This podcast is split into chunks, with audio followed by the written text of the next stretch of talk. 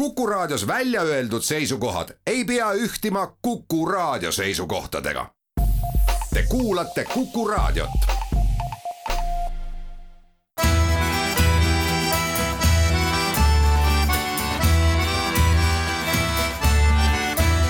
Kirillitsas Eesti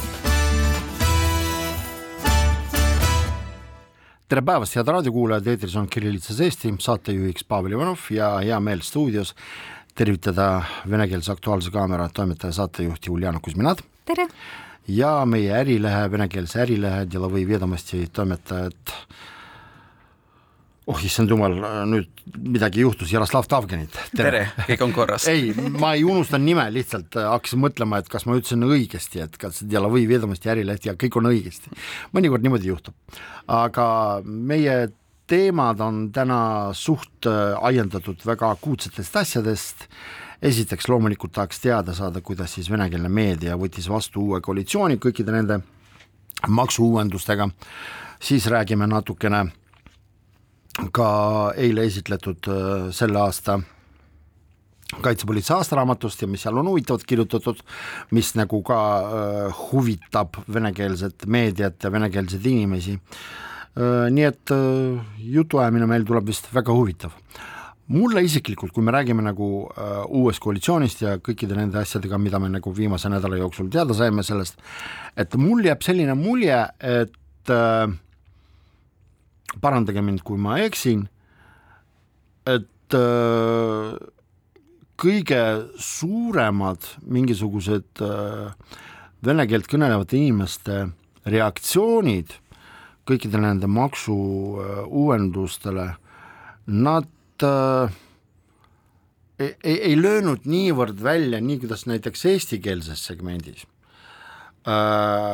mul ja tänu sellele mul jäi selline mulje, et nagu, et mitte-eestlased ootavad, et näiteks lugeda või vaadata või kuulata, kuidas nagu Eesti ühiskond, eestikeelne ühiskond reageerib. et pärast, et midagi, mitte öelda midagi valesti, et see tunduks nagu, et noh, vastavalt sellele vanale, vanasõnale, et kui eestlane kritiseerib valitsust, siis ta kritiseerib, kui venelane kritiseerib Eesti Vabariigi valitsust, siis ta on Kremli-meelne ja putinist et, et mul jäi selline mulje, et nagu mingid tänavaküsitlused ja muud asjad näitasid seda, et auditoorium on pigem vaos hoitud või ma eksin? Ma ei ütleks nii, sellepärast et kuna kõige, kõige olulisem teema on maksuteema ja siis maksud maksavad kõik olenemata sellest, oled sa eestlane või, oled sa eestlane või venelane. ja kui ma arutan igapäevaselt seda teemat, ma näen, ma näen, näen, et just väga arvamused on erinevad. näiteks mina täna, just, just täna meie veebilehes avaldasin oma, oma arvamus sellest, et käibemaksu tõus, mis plaanitakse järgmiseks aastaks, on, see ei ole mitte midagi. Keegi ei märka seda, nagu keegi ei märganud seda aastal kaks tuhat üheksa. aga ma ei ole üllatunud, kui meie samas meie portaalis võib-olla ei luba, aga võib-olla ilmub vastupidine arvamus, et hei, see on big deal. See, sellepärast, et see, mida, millega ma kohtun, kui ma, kui ma just selle, sellest teemast räägin. ja siis ma ei usu, et äh, venelased kartavad, kar-, äh, kardavad kritiseerida, sest, sest väga paljud on ebarahul nende, äh, nende maksude tõstmisega, no mul on näiteks veits teine arvamus, aga see on minu arvamus, ja ei, ma, ma pigem ütleks, et venelased on väga eri meelt sellest. aga selles mõttes on huvitav, et teie olete äriväljaanne ja teie sõnum Eesti Vabariigis venekeelsele auditooriumile, ehk siis tegelikult me võime oletada, et kogu see ringkond inimesi, kes tegeleb siin äridega ja on seotud nagu ka fiskaalpoliitikaga, nii kuidas need maksud on, et kuidas sa kirjeldaksid seda sõnumit, mis on, anna andeks väga pateetilise sõna eest, teie võib-olla ajakirjanduslik missioon selles uues olukorras, et mis on teie sõnum? Nendele samadele teie portaali lugejale? no sõnum nagu alati on informeerida siis, siis eel, eelkõige me informeerime ja vahel, nagu mina tegin näiteks, esi-, esitame oma arvamust. no vot näiteks, vot juhtus see koalitsiooni, koalitsioonileping. me teame, et maksud, maksud tõstetakse kas, mis sõnum me saame anda, kas see, kas see on hea või halb? nagu tavaliselt, nii ja naa sellepärast et punkt number üks, me tead-, me teadsime kõik, et maksud tuleb, et tuleb tõsta niikui-, niikuinii. sellepärast isegi vaatamata meil... sellele, et lugege huultelt, jah? lugege, lugege huultelt on, on er, er, eraldine asi, me võime arutada seda kui sa, kui sa tahad, sest see lugege mu huultelt, see, see oli öeldud oktoober kakskümmend kuus. tegelikult see on George H W Bushi, Bushi fraas, mida ta ütles aastal kaheksakümmend kaheksa. oota, mitte kakskümmend kuus, vaid kaks tuhat. oktoober kakskümmend kuus. aga aasta kak-, on kakskümmend kaks aa ah,, okei okay,, jah. jaa, aga tegelikult see on George H W Bushi fraas, mida ta ütles aastal kaheksakümmend kaheksa, read my lips, no new taxes uh,. aga kui pärast seda, kui Kallas seda ütles, lugege, mu huultelt maksu, makse ei tõsta, jaanuar kakskümmend viis ja mis minu jaoks oluline, et see oli enne valimisi ta ütles, kui Helle-Moonika Helme mingi terav, terava küsimuse teda esitas, et see fraas puudutas eelmis, eelmist valitsus ja et see lubadus ei ole igaveseks. kas sa tahad öelda, et meie mainstream ajakirjandus lihtsalt nagu ei oska tõlgendada seda, mida oli Kaja Kallas näiteks selle kohta öelnud või? Äh, ma ütleks, et see liialdab, kindlasti liialdab kui vastata küsimusele, et miks nagu venekeelne meedia ei läinud ja. väga selle teemaga kaasa, ma ütlen sulle, et vene meedia läheb kaasa oma vaataja-kuulaja-lugeja järgi ja vene vaataja-kuulaja ja üldse auditooriumi äh, peamised huvid selles koalitsioonileppes on äh, kool, eestikeelne kool tulevikus, siis teine on Ida-Virumaa ja kolmas on äh, Vene ja Valgevene passide omanike noh, see hääleõiguse peatamine. no väga kummaline, sellepärast et tegelikult äh, ju enne valimisi on ju pidevalt räägitud, muuhulgas ka siin stuudios, et äh, Vene kaarti ei ole mitte mingisuguseid ei valimisi ja nüüd äh, sa ütled, et neid hakkas koalitsioonileppes huvitama nõndanimetatud Vene teema, tõesti, see on kummaline, aga me jõuame veel sellest rääkida, aga kuidas sulle, Uljana, tundub, et et Jaroslav ütles, kuidas talle tundub, aga kuidas sulle tundub, kuidas nagu venekeelne auditoorium võttis vastu kõik need uue koalitsiooniga seotud asjad? Ei, kui ma vaatan, mida inimesed loevad kõige rohkem, siis, siis muidugi nagu see maksude, eriti automaksu teema huvitab äh, lugejad ja auditooriumi, aga ma ütlengi, et kõik need äh, pigem emotsionaalsed teemad äh, seotud äh, nende laste tulevikuga, nende sõprade, kellel on näiteks Vene pass või emal on Vene pass äh, nagu sellega, et äh, pigem just enda oma teemad huvitavad rohkem, sellepärast et ma-, maksud maksudega, ega me elasime hirmsamaid aed juba ka, et koroonad elasime üle, EKREIKE-d elasime üle, kõik me elasime üle ja maksude tõstmine elame üle ka. et noh, no mis sa sellega teed, noh, sa lähed Vabaduse platsile, ma ei tea protestima või mis, kuidas sa võid mõjutada seda olukorda, sa lihtsalt nagu lepid, meil on äh, pigem passiivne äh, elanikkond ja noh. et viies kolonn ei lähe Vabaduse väljakule, muuseas viiendast kolonnist me veel ka täna jõuame rääkida. Ei, kui see oleks, ma ei tea. Aga no, jah, jah. inimestel on õigus rahulikult protesteerida. Inimesed ei tee midagi, ma, ma ütleks selle peale niimoodi, et äh, inimesed lihtsalt võivad, võtavad seda nagu fakti okei okay,, äh, meile öeldakse, pahandavad. teevad kurja nägu. teevad kurja nägu ja siis. nimetavad vale, valetajateks. ja, ja siis annavad oma vastust nelja aasta pärast. väike reklaamipaus, pärast jätkame.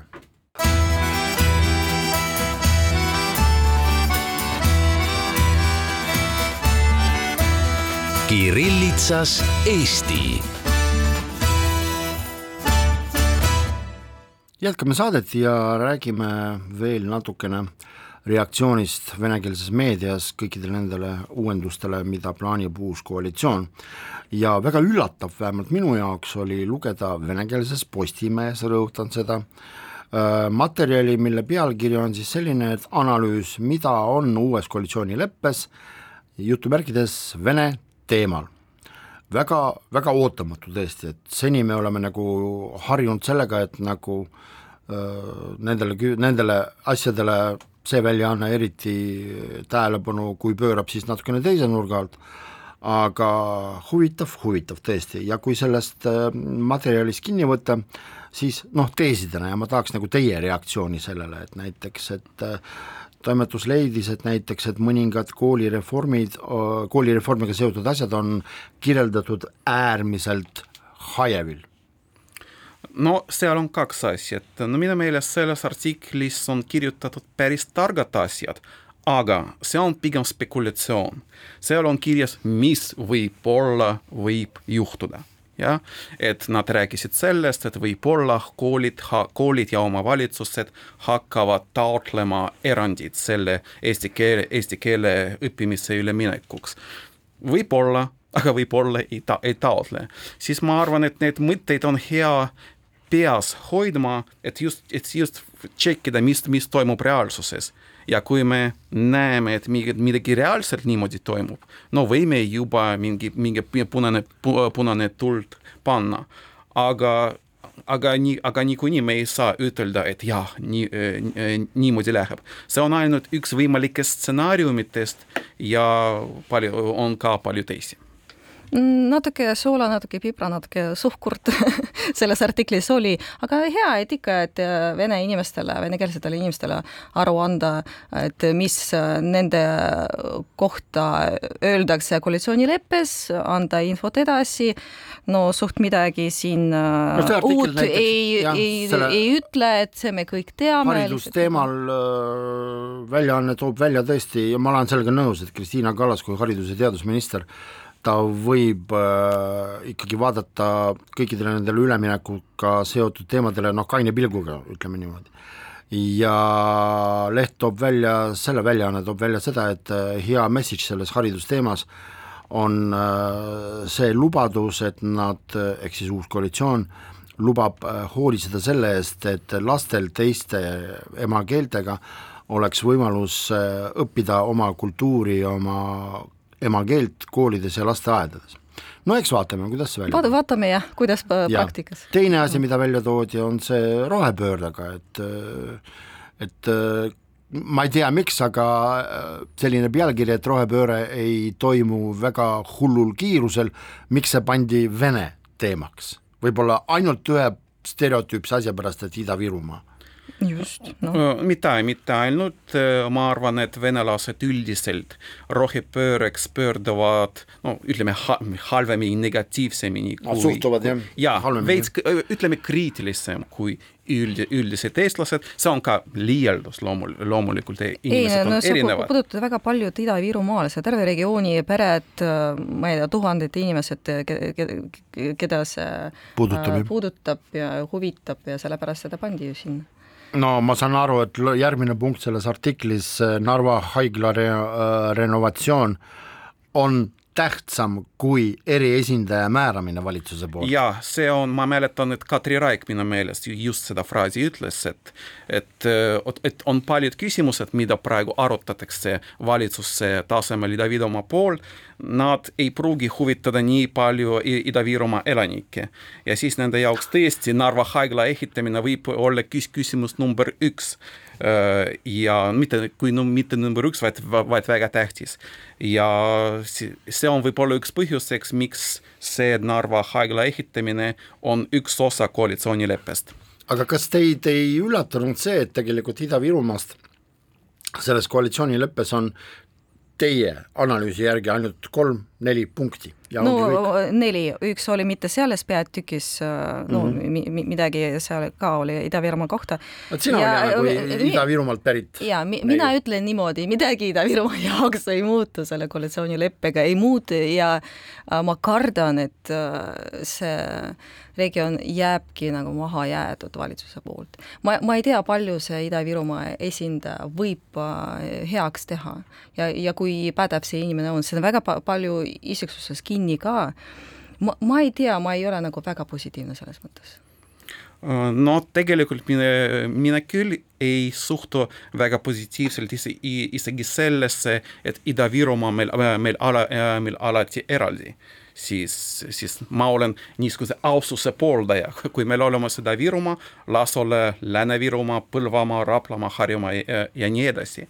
ja kui rääkida sellest valitsuse esindajast, siin on ka loomulikult kõik sõltub sellest, mida see esindaja hakkab tegema, sellepärast et see on ka umbmäärane ja aga see, näiteks see samm mulle ka pigem ei meeldi, sellepärast et see on nagu no tundub nagu võimu tsentraliseerimine, et no, et tundub nagu me ei usalda väga seda oma, neid omavalitsusi Ida-Virumaal ja me määrame kedagi, kes vaataks ne, nende üle. võib-olla ma eksin, sest kõik sõltub sellest, mis, mis ülesanneid talle antakse ja ma kuulsin, kui ma Aga... rääkisin endise kultuurministriga, et see ei ole üks inimene, et seal võib olla mingi tiim, korraldatakse aga me peame ära, me peame harjuma sellega, et kui me räägime endine kultuuriminister, siis me peame lihtsalt äh, nimedega ära harjuma, et see, kellest see käib, see jutt, et see oli Piret Hartman. Kellest võib-olla saabki muuseas eriesindaja. ei, ma, ma lihtsalt, kuidas usaldada kohalikele omavalitsustele, kes näiteks ühel kohalikul omavalitsusel nagu pool uh, li, linnavalitsuse uh, voli, volikogu liikmed on kahtluse all, ma ei tea, korruptsioonis, teises võim vahetub iga poole aasta jooksul ja kolmandas vapšee ühe, ühe nädalaga nagu ühe nädala kaupa on uus su võim. su küsimus on vist pigem no, retooriline. ja, ja no, muidugi peab see, peab keegi olema, aga teine asi, et mis see roll on ja kuidas ta räägib inimestega ja mida ta teeb neile heaks ja kas ei ole niimoodi, et me andsime teile esindajad ja, ja sellega on lugu lõppenud. ja sellega on lugu ja arenege seal edasi. aga on olemas kaks asja, on olemas äh, nagu üld riigivõim ja on olemas regioonide, regioonide võim ja need on nagu kaks, kaks era, eraldi või võimu osad ja kui ühega on mingi probleem, see ei tähenda, et nüüd teine peab teda vallutama, tuleb see probleemi iseenesest lahendama okei okay,, selles artiklis Ruus Postimehe puhul on järgmine peatükk siis niimoodi, et äh, venekeelse meedia toetust keegi nimetab propaganda levitamiseks. Ehk siis jutt käib võib-olla sellest, et äh, noh, me teame seda, et ka praegu jaotati üks miljon äh, era, venekeelse erameedia vahel ja siis äh, venekeelne Postimees arvab, et seda keegi nimetab propaganda levitamiseks. kes? vot ma just hakkasin ka mõtlema, et kes, et ma arvan, et seda nimetavad marginaalid ja need, kes äh, tegutsevad äh, nagu teist laadi meediakanalites. aga nad niigi nimetavad. no Dmitri no. Klenski, ma arvan, et nimetab no, seda propaganda ja no, täiesti, ma arvan ka niimoodi. no, no. no ma, ma, ma olen veits halvas positsioonis, kuna ja. meie allväljaanne ka sai seda toetust. nii et te ka levitate propagandat, jah aga muuseas, aga no, kuidas teha? see on liiga üldmäärane, see on liiga üldmäärane fraas, võib-olla keegi levitab, me ei levi, kolmas viiskümmend protsenti levitab, no see on liiga üldmäärane fraas. ma arvan, et need, kes kardavad, et nemad võivad selle tiitli saada, et nad levitavad propagandat, tegelikult võib-olla ise on natukene selles ka süüdi, kui, kui ei, neile tundub, et nad teevad propagandat. kui äh, sa ütled äh, eetris, et äh, Venemaa ründas Ukrainat, nende jaoks see on juba propaganda. kui sa nimetad fakti faktiks okei okay?, et nagu no las, no las, no kui nende jaoks on propaganda, siis no mis me saame sellega teha? järgmine punkt on see, et äh, Venemaa Föderatsiooni ja Valgevene äh, vabariigi kodanike kaitsjatest defitsiiti ei tule. et see on võib-olla see, millest sa rääkisid, et nagu, et äh, et see suhtumine Venemaa ja Valgevene kodanike hääleõiguse äravõtmise osas võib-olla?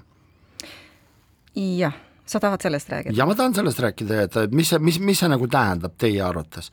et kas siis tõesti äh, nüüd me hakkame väga palju rääkima nendest Venemaa ja Valgevene kodanikest hakkame, et Yana Toom hakkab näiteks nende õigusi kaitsma ja ma ei tea, mida veel? ma, mulle tundub, et tuleb seesama lugu nagu abielu referen-, referendumiga omal ajal, et see noh, et see, et see, seda, need õigused kuidagi peatada või ära võtta, et sa pead sekkuma põhiseadusse, mida uus koalitsioon äh, lubas mitte puudutada üldse. ma ei tea, et võib küll mingit, mingil moel leiutada seda viisi, kuidas seda peatada, aga ju president ja äh, õiguskantsler ütlesid, et ilma koalitsiooni puutumata seda ei saa, see on nagu inimeste õigus. põhiseaduse konstitutsiooni puutumata. jah, jah, et äh, inimeste õigusi ei saa niimoodi peatada või ära võtta. ja kõige hullem on see, et ma, ma tunnen väga palju inimesi, kelle, kellel on see Venemaa pass, Valgevene passiga ei tea, ei tunne kedagi, aga nad on väga lojaalsed Eesti riigile ja nad tulid siia mitu aastat tagasi ju sellepärast, et nad ei tahtnud oma riigis elada. Nad valisid sihipäraselt Eestit ja nad armastavad seda Eestit võib-olla rohkem kui mõni, ma ei tea, Ida-Virumaa elanik, jah, ütleme niimoodi. ja kui neilt see ära võetakse, see on väga sümboolne, see solvab inimesi ja kui me karistame või võtame ära, siis tagajärjed on pigem halvad kui head kusjuures huvitav on see, et sel nädalal äh, venekeelses Delfis ilmus üks arvamuslugu äh, Svetlana Tihhanovskaja Office esindaja Eestis, tema sulest, et kus ta ütles, et selline samm, kui seda ette võetakse, et ei anna Eesti Vabariigile mitte midagi. Et äh, selles mõttes jah, loomulikult kõik need vaidlused ei ole praegu lõplikud, selles mõttes, et ei ole midagi paigas selles küsimuses, aga lihtsalt ma panin tähele, et noh, et okei okay,, kui kirjutaks lihtsalt tavaline Valgevene kodanik, okei okay,, aga see on äh, nõndanimetatud õige valgevenelane, äh, õige vane, valgevenelase office'i esindaja siin Eestis äh, oma analüüsis jõudis nii kaugele, et ega see, kui Venemaa kodanik, Valgevenemaa kodanikelt õigus, hääleõigus ära võetakse, et see ei anna nagu Eestile mitte midagi. Me võime sinuga mõtiskleda, no mis, mida see päriselt annab, vot üks päev võetakse, peatatakse, vabandust, kogu aeg äh, jah, peaks parandama, peatatakse, siis järgmised kohalikud valimised, nemad ei ilmu seal siis uh, mis see tähendab näiteks uh, Keskerakonnale Tallinnas, mõnele teisele erakonnale näiteks Ida-Virumaal või mingi juuale, et aga mi, mida see tähendab pärast, kui konkreetne rahvamass on pööratud mitte Eesti riigi vastu, vaid on solvunud riigi peale? no siis ta valibki ala neid, kes Ida-Virumaal tegid häälte saagi juba saate..., juba valisid. ja, ja te saate aru, millele ma või kellele ma rohkem vihjan. Eesti kodanikud valisid neid. ja, ja, ja, ja, ja, ja, sa parandasid mind väga neid. õigesti. nii, aga mis me teeme siis Venemaa ja Valgevene kodanikega? okei okay,, ja okei okay,, neil peatatakse teatud hetkeks, seni kuni sõda kestab, on need argumendid olnud ja nad on siis kogu selle aja peatamiseks aja kogu aeg riigi peale solvunud või nad ongi marginaalid tead, või nad, vabandust, organiseeruvad? ma ei ütle, et igaüks solvub, võib-olla mõni täitsa saab äh, sellest äh, sammust aru, aga see teema ei puuduta ainult Vene kodanikke ja Valgevene kodanikke, see puudutab terve Vene kogukonda, sellepärast et me oleme kõik omavahel väga väga seotud nii ukrainlastega, valgevenelastega ja Venemaa venelastega, et äh, see teema puudutab just no konkreetse rahvagruppi siin igal juhul äh, venekeelne Postimees oma selles ülevaatlikus loos lõpetab äh, materjali järgmiselt, et kui äh, võtta kokku see ülevaade, siis et nõndanimetatud Vene plokk sisaldab endas väga vähem ootamatuseid kui näiteks maksuplokk. meie teeme siin reklaamipausi, pärast jätkame saadet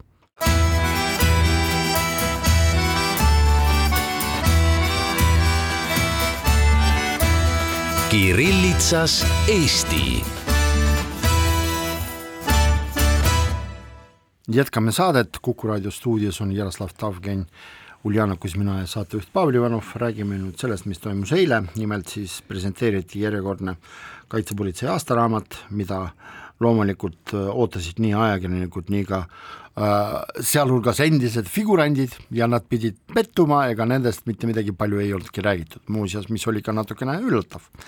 noh jah, oli pikem lugu äh, härra Kornilovist, kes on Eestis deporteeritud, aga kes siiamaani muuseas jätkab oma tegevust äh, samal moel, ehk siis äh, tema koordineerib Venemaa kaasmaalaste infoportaali Baltia, aga juba sealtpoolt Narva piiri, et jaa, et äh, oli kaks aspekti väga huvitavat, millele äh, vähemalt mina kui venekeelse meedia esindaja pidin, nagu öeldakse, lugema ridade vahelt. aga ma arvan, et selle organisatsiooni aastaraamat ongi selle jaoks mõeldud, et lugeda ridade vahelt. ja esimene nagu asi, niisugune vähema mõjuga on see, et äh, peadirektor Arnold Sinisalu veel kord rõhutas, et me ei peaks siin Eestis rääkima viiendast kolonnist. ja mul tuli meelde, et aasta oli siis kaks tuhat seitseteist, millal äh, härra Sinisalu vist esimest korda ka väga resoluutselt äh, puudutas seda teemat, öeldes, et meil ei ole eeldusi viienda kolonni moodustamiseks, kui me räägime, eks ole, mingisugustest toksilistest või radikaliseerunud venekeelsetest äh, vabariigi subjektidest. ja ma arvan, et kui läks nüüd kuus aastat mööda, nagu vene keeles öeldakse, et ja еще раз повторяю для тупых et meil ei ole viiendat kolonni. tead, see on see, sedasorti legend nagu maa on lapik, vaktsiin tapab ja nii edasi ja viies kolonn eksisteerib Äh, no kui, me räägime nendest organisatsioonidest nagu security service, siin on tähtis mitte see, et nad, et nad, et nad räägivad mm., siis si, siin on tähtis see, et mida nad teevad ja paljud asjad nad teevad sul, sulgede uksete, sulgede, sulgede uksete taga, jah? jaa, kinniste uste, uste taga ja nende avalikud üt-, ütlemised vahel võivad, võivad isegi olla tehtud selleks, et mida, et midagi varjata. ma ei väida, et see on konkreet, konkreetne selline olukord, ma just rõhutan, et see on põhjus, miks ma üldse tavaliselt ei pööra tähelepanu, mida security service'id ütlevad. ma alati vaatan tegu, tegudesse mm,. jah, ja juba siis aastal kaks tuhat seitseteist oli absoluutselt selge, et viienda kolonni jaoks puudub üks väga oluline lüli organiseeritus.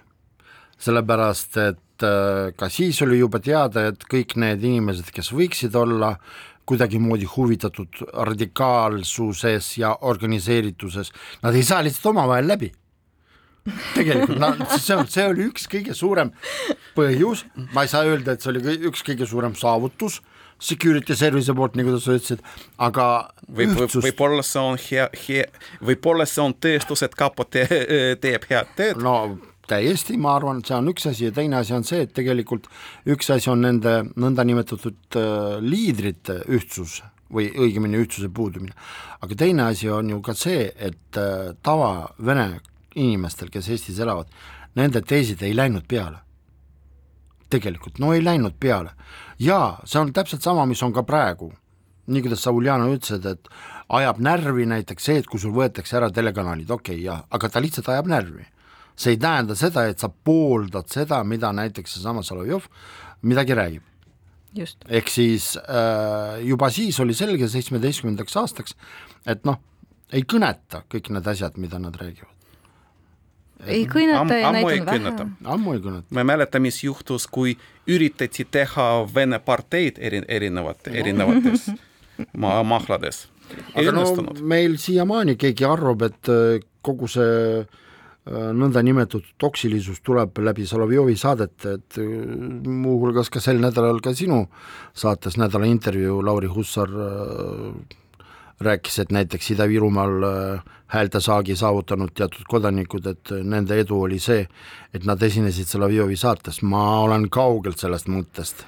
ei ole sellest, äh, seal, seal on nagu väga suur hulk neid äh, põhjusi, miks ja. me, ainult Solovjovi saade siin nagu mi, mi, midagi ei muutu, lihtsalt inimestel sees oli rahulolematus ja siis lavale tuli see Särav, Aivo Peterson, niisugune nagu Savisaare kuju, nagu Natalja Kitav rääkis. kes muuhulgas rääkis ka saates Solovjovi saates, kõik noh, sisuliselt. jaa, see oli nagu kirstordil pigem... temal pigem, mit, mit, mitte see baas, noh. ja pigem see oli selline visuaalne, emotsionaalne efekt, et ah, kuna ta on seal, siis, aga mulle tundub, et see visuaalne oligi nagu see külg oli olulisem kui see sisu, ma arvan, et sisu ei kuulanud enamuses meie riigis elavatest inimestest mitte keegi temal oli, tema fenomeen on see, ta on eestlane, kes räägib venelastega vene keelt ja siis nad vaatavad, oleks see nagu mingi venelane, ei, ei vaataks niimoodi, vaata, vaata, eestlane räägib nii head asja, nagu nii õiget asja. jah, sellesama Petersoni teine võitluskaaslane Oleg Ivanov, et no tema vene keeles küll räägib, eks ole, ja ta ei ole nii populaarne. ta ei ole nii populaarne ja tema räägib oma заезженную пластинку, nagu öeldakse, et у нас украли голоса, no kõik, no see pole enam no sellepärast, see pole enam huvitav. aga keda sa usaldad, sa usaldad eestlast, kes saab Riigikogu minna ja sinu asju ajada, jah? või, või sa usaldad mingi psühholoogiliselt vene inimene, ma arvan, kellel on hääleõigus, ta pigem usaldaks seda, kes on eestlane, etniline, aga kes oskab suhelda vene keeles ja, ja, ja see oli Vin-Vin Aivo Petersonile, aga nüüd ja, ja ma arvan, et ta on veel ka vabandan mm, -hmm. et äh, võib-olla present-, äh, tal on rohkem presentaabl-, äh, presentaablus. ta, ta on, ta naeratab, ta üritab, ta üritab me-, meeldida inimestele. nii soe, nii hea inimene, aga ja, noh. ja, ja, ja kes ajab segamini surnud ja elu, elusad lapsed, aga no ma, ma ütlen, kuidas ta räägib, mida, mida ta ja. räägib. ja mida ta räägib, keegi absoluutselt aru ei saa, aga vot kuidas ta räägib.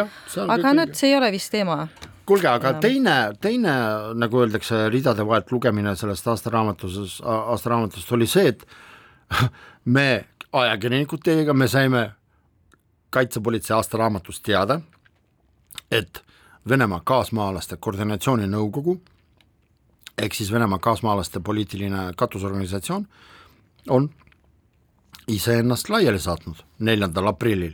kusjuures ma räägin teile huvitava loo see oligi neljas või viies aprill, ma teen lahti mingisugused Venemaa agentuuride kodukad ja ma näen, et Maria Zahharova on midagi kommenteerinud seoses sellega, kus ta süüdistas Eesti Vabariigi valitsust ja võime ja kaitsepolitseid, et nad tegid kõik selle jaoks, et ei oleks meil koordinatsiooninõukogu, sedasama Venemaaga. mõtlesin, et okei okay,, et ma nagu ei pannud tähele, sellepärast no praegu nagu täisteksti ei saa nagunii lugeda, sa loed ainult pealkirjadega, kuna eks ole, meil on olemas TTJ, kes tegutseb väga hästi. Ja äh, ja siis ma mõtlesin, et no et okei okay,, et Zahharova jälle mingi tema epataaž, eks ole, seoses sellega, et seal ma ei tea, uus koalitsioon astus ametisse või astub, on astumas ametisse ja sellepärast, et see oli nagu üks mitmetest uudistest, kus enamus uudiseid oligi pühendatud sellele, et Eesti Vabariigis, eks ole, surutakse, pressitakse venekeelne elanikkond kõikidest elusfääridest välja, nagu ei pööranud tähelepanu, sellepärast et see on juba nagu öeldakse mm, -hmm. et mhm. noh, noblesse oblige Venemaa propaganda jaoks. ja, ja alles siis, kui ma hakkasin nagu seda aastaraamatut eile nagu tõsisemalt lugema, ma loen, et issand jumal, see organisatsioon on ennast laiali saatnud. ma vaatasin kõik meie allikad läbi ja teine üllatus tuli, et sellel samal Balti ja .eu portaalil, mille päismes on kirjutatud, et ta on Venemaa kaasmaalaste infoportaal, ei olnud originaaluudiseid sellest mitte ühtegi, aga oli üks tiražeeritud Läti ajakirjaniku materjal, kes oletas, et kaitsepolitsei, Eesti kaitsepolitsei on teinud äh, ettepaneku, millest on võimatu loobuda sellele koordinatsiooninõukogule, et nad paneksid ennast kinni. see, et esiteks ma loen selle organisatsiooni äh, laialisaatmisest ja see, et kirjutab sellest Läti ajakirjanik ja meie enda ressursid sellest ei kirjuta, minu meelest veel kord tõestab selle organisatsiooni mõttetust no ei huvita, noh. ei kõneta, nagu sa ütlesid nii, ja sellega ongi kõik või? no, no tore. kas ma ütlen saladuse, et ma enne eetrit küsisin, mis see, mis see organisatsioon üldse on, kunagi kuulnud sellest? ma mäletan, et viimati poleemika koordinatsiooninõukogu teemal oli aastal kakskümmend üks. siis kui ma julgesin kirjutada ühe venekeelse portaali jaoks siin Eestis arvamusloo sellest, kus ma tsiteerisin, okei okay,, nüüd võib öelda, tänaseks juba deporteeritud inimese fraasi, kus ta ütles, et a u nas splašnõi balalaiki. niimoodi äh, Sergei Tšaulin iseloomustas sedasama Venemaa kaasmaalaste koordinatsiooni nõukogu tegemist aga mis nad tegid, ma mäletan, et kunagi nad tegelesid selle mingi programmidega, mis äh, pakkusid äh, siinsetele ja kolimist Venemaale. see muuseas, see programm tegutseb ja seda promotakse ka meil Eesti-siseselt hoopis teistel ressurssidel. tule Novo-, Novosibirski elama, nii tore kusjuures seal pakutakse hoopis teisi regioone. no mingi Moskva-Peterburi nad ei paku, nad pakuvad ja, äh, kuskil ka kus aga, aga, aga kui rääkida selle Venemaa kaasmaalaste organisatsiooni mõttetusest, tõesti, nende tegevus viimased kümme aastat, mitte midagi, aga kui vaadata, anna andeks, kui vaadata kakskümmend aastat tagasi, mul on kui ajakirjanikul, mul on hästi meeles, kuidas nad tõesti iga kopika pärast riidlesid omavahel. Ja, ja kopikaid ei olnud väga palju, ma arvan, et seda mõt-, mõttetust näeb isegi Venemaa. Noh, aga milleks nad siin on, kui nad ei kõneta kedagi, kui nad, noh, ei ole nõudlust sellepärast äh, ei ole pakkumist. sul on täiesti õigus, sellepärast ma mäletan, et isegi Venemaalt käis siin Tallinnas proua, ma ei mäleta, mis ta nimi oli praegu, aga proua, kes tegeles Moskva tasemel kaasmaalastega, kes täpselt samamoodi ütleski siin Eestis tribüünil nendesamade Venemaa kaasmaalaste ees, et mida te kaklete omavahel et me ei saa teid usaldada ja me ei saa teie peale loota. tal oli õigus, tuleb välja. Jaroslav, mis sa oled kuulnud sellest samast kaasmaalaste organisatsioonist, mitte midagi N? nagu ma juba, ma juba ütlesin, mitte midagi, no ma tean, et Vene, et, et Venemaa, Vene, Venemaa võim töötab kaas, kaasmaalastega üldse üle maailma. et äh, ilmselt ta neid finantseerib, aga ma arvan, et ta finantseerib neid seal suures mahus, kus on, kus on perspektiiv ma ei tea, võib-olla võib võib nad ei näinud siin perspektiivi, võib-olla nad unustasid neid rahastada, no ma arvan, nad loobusid või, nende võib-olla nende... loobusid, võib-olla seal oli mingi korruptsioon sees või Venemaa poolt näiteks või, või mingi salamängud, üks, ükskõik, aga ma pole kunagi kuulnud selles organisatsioonis, ma ei ole üllatunud, et ka, et kõik need kaklevad teineteisega, see on põhimõtteliselt, kuidas nad uudis, uudiste veergu saa-, veedu saa-, saavad. no väga hea, las kaklevad, kui nad kaklevad, nad ei saa mitte midagi teha. reklaam, pärast jätkame saadet.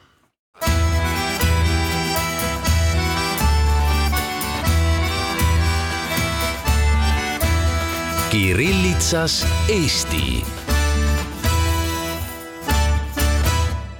jätkame saadet ja veel üks teema saate lõpetuseks, suht värske, et täna me saime teada, et äh, Vadim Belobrovtsevit, endist Tallinna linna abilinnapead äh, haridus- ja kultuuriküsimustes, vahetab välja Andrei Kante, kes on meile rohkem tuntud kui äh, kahe kooli direktor, tubli poiss, haritud inimene ja suhteliselt aktiivne ka ühiskondlikus elus, aga mul on teile pisut niisugune spekulatiivset laadi küsimus.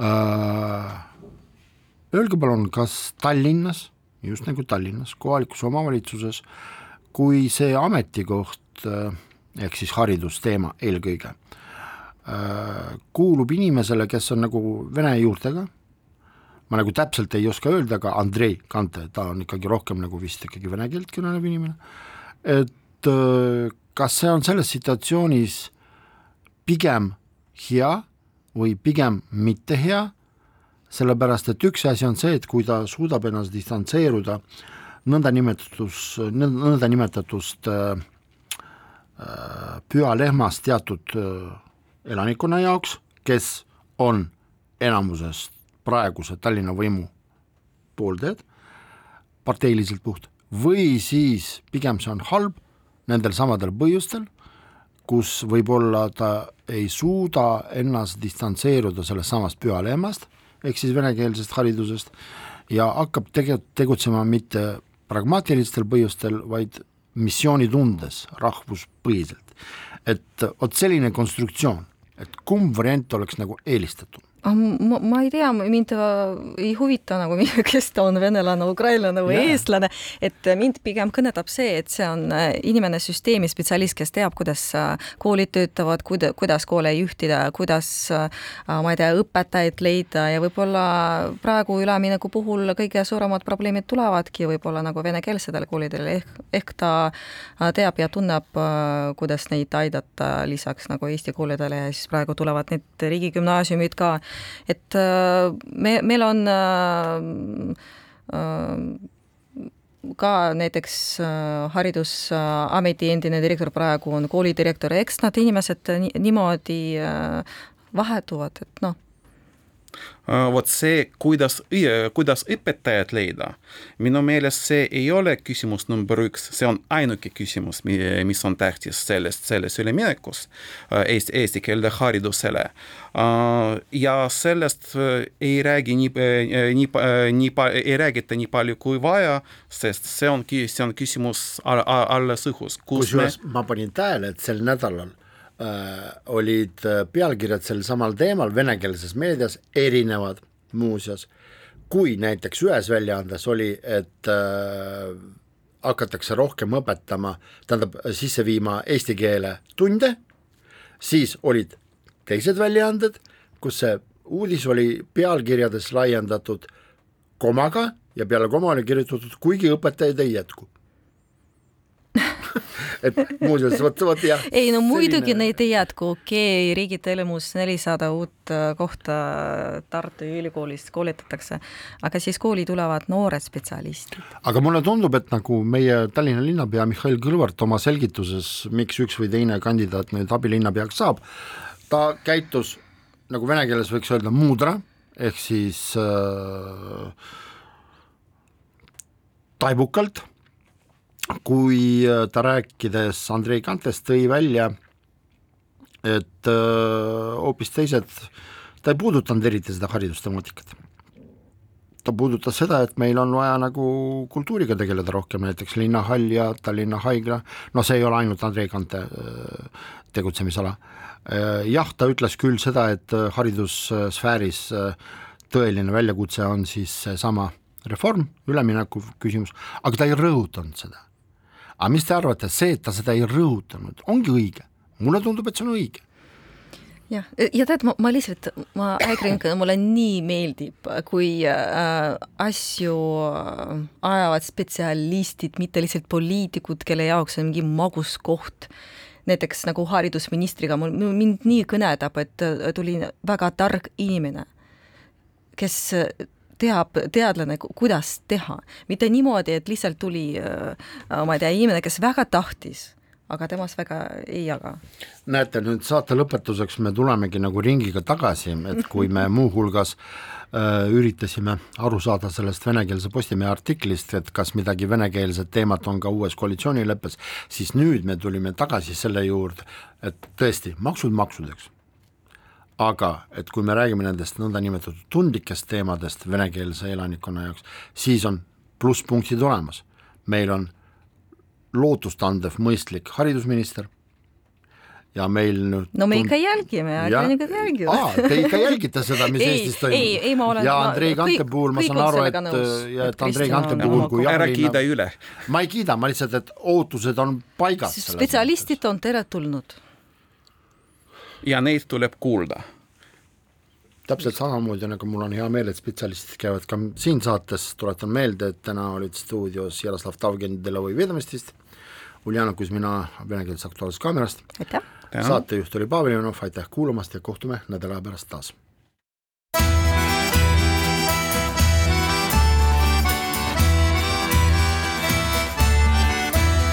Kirillitsas Eesti